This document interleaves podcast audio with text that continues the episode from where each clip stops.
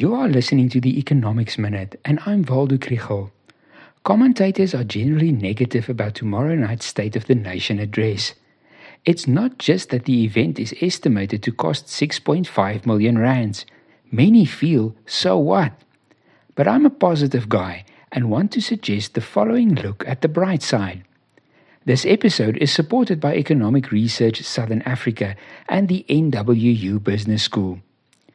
The economic development that has taken place over the past 30 years is real. I'm sure the president will talk about the communities that got access to water and the old granny who finally has a house. We can all celebrate those successes. Economists like to talk about opportunity costs.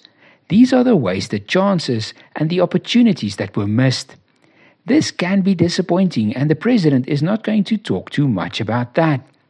It's true that part of the su- success above were made possible when the cake got bigger.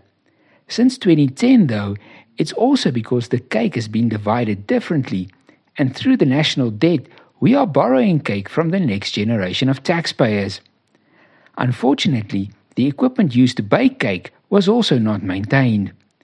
But we don't live in a world where one can travel back in time and examine the counterfactual. If we think that everything would have been better under another government, we soon have the opportunity to give someone else a chance. The election and policy uncertainty can also be a source of concern. Is the president going to make promises that we and the Minister of Finance cannot afford?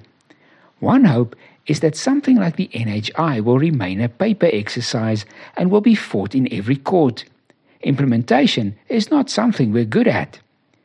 The other is that the bond market and the currency market may have already priced in some of the bad policy ideas.